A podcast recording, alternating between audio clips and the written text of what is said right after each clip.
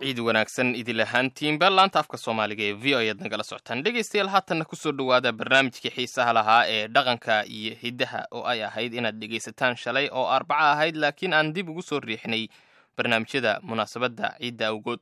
Waxaase naga xasuusin ah in barnaamijkan aan laga soo bedelin xilligii uu bixi jiray ee arbacada ahayd oo aad dhegaysan doontaan toddobaadada soo socda maalin kasta oo arbaco ah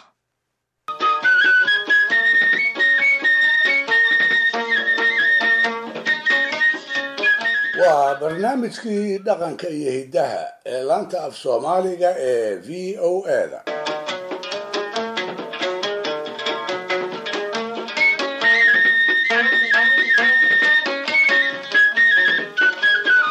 dhegaystayaal gobi waa tii abaal gudda. Waxaa allaha u naxariistay laga hayaa caga dhiig. Sababtii uu ku yidhi inta aanan idiin gelinna waxaa ila habboon isaga qudhigiisa inaan wax idinka sheego waxaa la odhan jiray xaaji maxamuud macallin. Naanaysna xaaji cagadhiig buu u lahaa. Xarumihii daraawiisheed culimmadii ka aflaxday ayuu ka mid ahaa. Wuxuu ahaa nin sayidku barbaarsaday ee weligiiba uu ku dhaadan jiray. Daraawiishtii beledweyne asaastay ayuu ku jiray.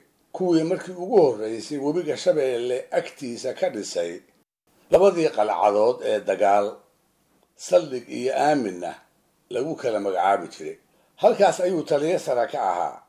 Dhowr jeer oo talyaanigu isku dayay inuu hiiraan qabsadana. Wuxuu ahaa ammaanduulihii intii muddo ah uu u mari waayey. Darwiishkii la odhan jiray indhaceel daamay raage iyo ciidankii uu watay wuxuu ahaa taliyihii buulo barde u diray halkaasoo ay ruuxa ku weysiiyeen guddoomiyihii degmada iyo askartii ilaalinaysay ee caddaanka iyo soomaalidaba lahayd. Aan haddaba dib ugu noqdo oraahdii ahayd gobi waa tii abaal gudda iyo duruuftii uu xaajigu ku yidhi. Waa kun iyo sagaal boqol iyo labaatankii. Daraawiishtii fadhiday qalcadihii mirasho iyo taleex. Waa gugii inta dayuuradaha lagu soo kiciyey lagu jabiyey ee ingiriis iyo soomaalidii uu watay ay cagta mariyeen. Dooxooyinka nugaaleed waa gugii boqol boqolka loogu xasuuqay. Dabadeedna afarta garjaho ay u kala firdheen oo u kala firxadeen. Nasiib darro qalabka wax la isugu tabiyo oo aan la haysan darteed. Guuldarradaas warkeedu saddex bilood kadib ayuu cagadhiig iyo beledweyne soo gaaray. Kolka daraawiish dambe ma jirtee inta aan talyaani ugu soo gelin sow inuu qalcadaha banneeyaa isagana lama gudboona. Taladaas ayaa la fiicnaatay wuxuuse istusay. Qalcadaha intii talyaani sahal isaga taabi lahaa inuu u gacan geliyo qolo kale oo ay col ahaayeen asii iyagu soomaali ah. Waa saldanadii hobyood ee reer kenadiid iyo ciidankeedii ceelbuur fadhiyey dhalaartaas buu cagadhiig u baahday nin isbiimeeya oo taladiisaa ceelbuur gaarsiiya markaas buu u cidirsaday darwiish uu abaal hore gashaday oo diiriye shirwac la odhan jiray diiriye caytanna loo yiqiin kaasoo markii loo soo geliyeyba uu kula booday diiriye gobi waa tii abaal gudda weedhaasoo haddiiba intuu dulucdeeda gartay uu diiriyana kaga jawaabay kaaga marag. Isla markiiba sange iyo geenyo toon ah isaga oo aan ku joogin. Sibraar caana ana allaha ka dhigay isaga oo aan wax jiscina sidan. Kabana aan ilanayn ayuu waddada cagta saaray. Maalmo yar kadibna xirsi guushaa iyo isaga oo ciidan xoog la horkacaaya ayaa soo galay beledweyne oo cidla ciilsila ah. Daraawiishe mar hore ka baxday wax dhaqaaqana lagu arko gabar lugla oo socon weyday. Waa jeer siduu goobjoogu noogu warramay.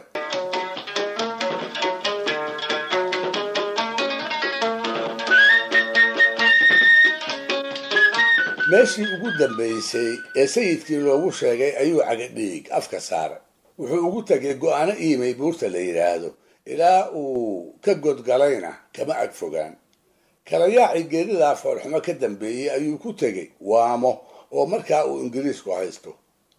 Goob weyn ayuu fadhiistay halkaasoo xer uu urursaday uu kutubta cilmiga sharciga ah ugu geli jiray.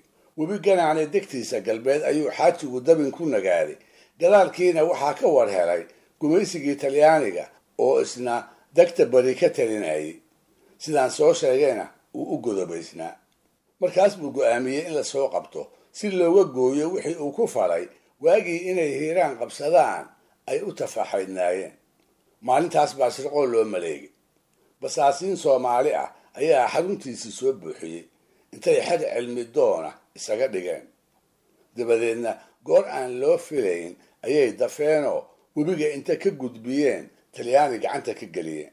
Isna xabsiga dhexe ee xamar ayuu ku tuuray. Halkaasoo uu ugu tegey sheekh xasan barsane iyo wadaniyiintii u halgamay gumaysigii talyaanigu kolba banaadir qabsaye inuusan dalka ku wada fidin. War iyo dhammaantii xaaji cagadhiig xabsigiibuu talyaani ku dilay.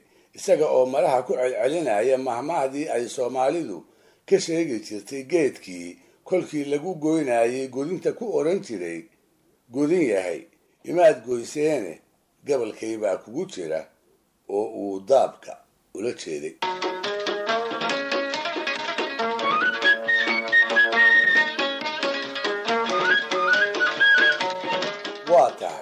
markii la gaaro bilaha may juun iyo luulyo waxay soomaalidu xustaa halgankii gobonnimada loo soo galay ee madax bannaanida lagu helay.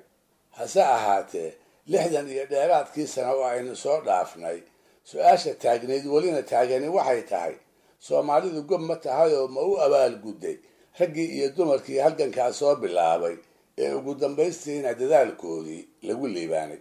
Duq aanu sheeko wadaagnahay oo su'aashaa jawaabteeda aan ka jiriyey ayaa igu yidhi maya wuxuuna raaciyey abaalgudku lacag faraqa la isugu shubo ma ahee waxaa ka wacan qofku wixii uu taray in loo aqoonsado. Dadkii uu u tarayna ay u og yihiin. Wuxuu raaciyey aqoonsiga waxaa ka mid ah faca dambe inuu yaqaan xusuusnaadana maalmihii cadadkaa ee halgamayaashii dalkoodu ay soo mareen. Wuxuu raaciyey ardada soomaaliyeed ee maanta wax ka barata dugsiyada sare iyo jaamacadaha. Imise ayay kula tahay inay sheegi karto magacyada lix ka mid ah asaasayaashii s w l. Wuxuu raaciyey da-yarta iska daaya ma kula tahay. Lixdan jidhka eegga joogaa inuu ka wada jawaabi karo taariikhahan aan kuu sheegi doonaa waxa ay ka warax yihiin. Kow iyo tobankii janaayo kun iyo sagaal boqol sideed iyo afartankii. Shantii oktoobar kun iyo sagaal boqol sagaal iyo afartankii. Kowdii agoosto kun iyo sagaal boqol labiiyo kontonkii labiiyo tobankii oktoobar kun iyo sagaal boqol iyo afar iyo kontonkii. Imise ayaa ka jawaabi karta dowladaha colombiya masar iyo philibiin halka taariikhda gobonnimadoonkii soomaaliya ay ka soo galaan. Wuxuu raaciyey aqoon la'aanta jawaabaha su'aalahaas ayaa ah abaaldhac kan ugu weyn. Cid abaaldhac taqaan iyo gobonnimana kala raad gate maxaa yeelay gobi waa tii abaal gudda siduu cagadhiig ina baray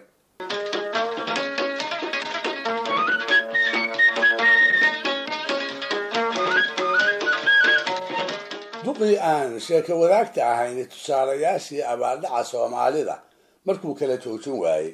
Markuu bilaabay inuu ku soo daro sidii loo fara xumeeyey shantii taallo ee xamar ka taagnaan jirtay ayaan inta hadalkii ka boobay ku idhi owgayow raggii iyo dumarkii calanka u soo halgamay in laga abaal dhacay dhexda ma taal markhaatina waxaa kuugu filan gabyaagii halgamaaga ahaa ee cali xuseen xirsi la odhan jiray kaasoo dhowr jeer ka cawday horseedkii uu ka midka ahaa ee halgankii gobonnimada ku soo muraxay.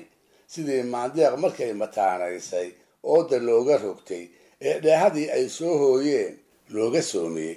Waa kii lahaa dadku uma gudboonayn markay gobo-da taagnaydee sida galowga ciya wiilashii gama a diidayay gabalka iyo fiidkii kuwii guura bahaleeyey koofiyad guduudii kufrigu meel ka geli waayey.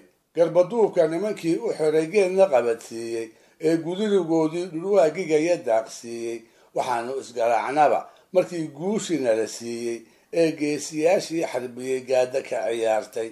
Bilada lagu garwaaxsado markaan gooskii filanaynay sagaalkii gu nimankii kursiga qaarba gelin fuulay ee aanu gogashu u dhignaye ubaxa guud saaray taariikhdii bay god u qodeen. Kuna gabsiiyeen gabay kalena tudcu ku jiray waa kii cali xuseen ku oran jiray. Xurfad waxaan ka saaraba markuu calanku xuufleeyey xabaalaha kuwii lagu riday iyo xayga soconaya qoonkii sidaa ugu xarmaday. Looma xeer dhigana nimankii naftooda u xanibay laga xawaareeyey xalwadii waxaa cunay kuwii xaawo gowracay ee raggii kalena way xaaratay ee xaqa ku taagnaay dhegaystayaal. Barnaamijkii dhaqanka iyo maanta halkaa inoo joogo waa inuu toddobaadka soo aadan iyo ku la mid ah. Hadduu eebedmo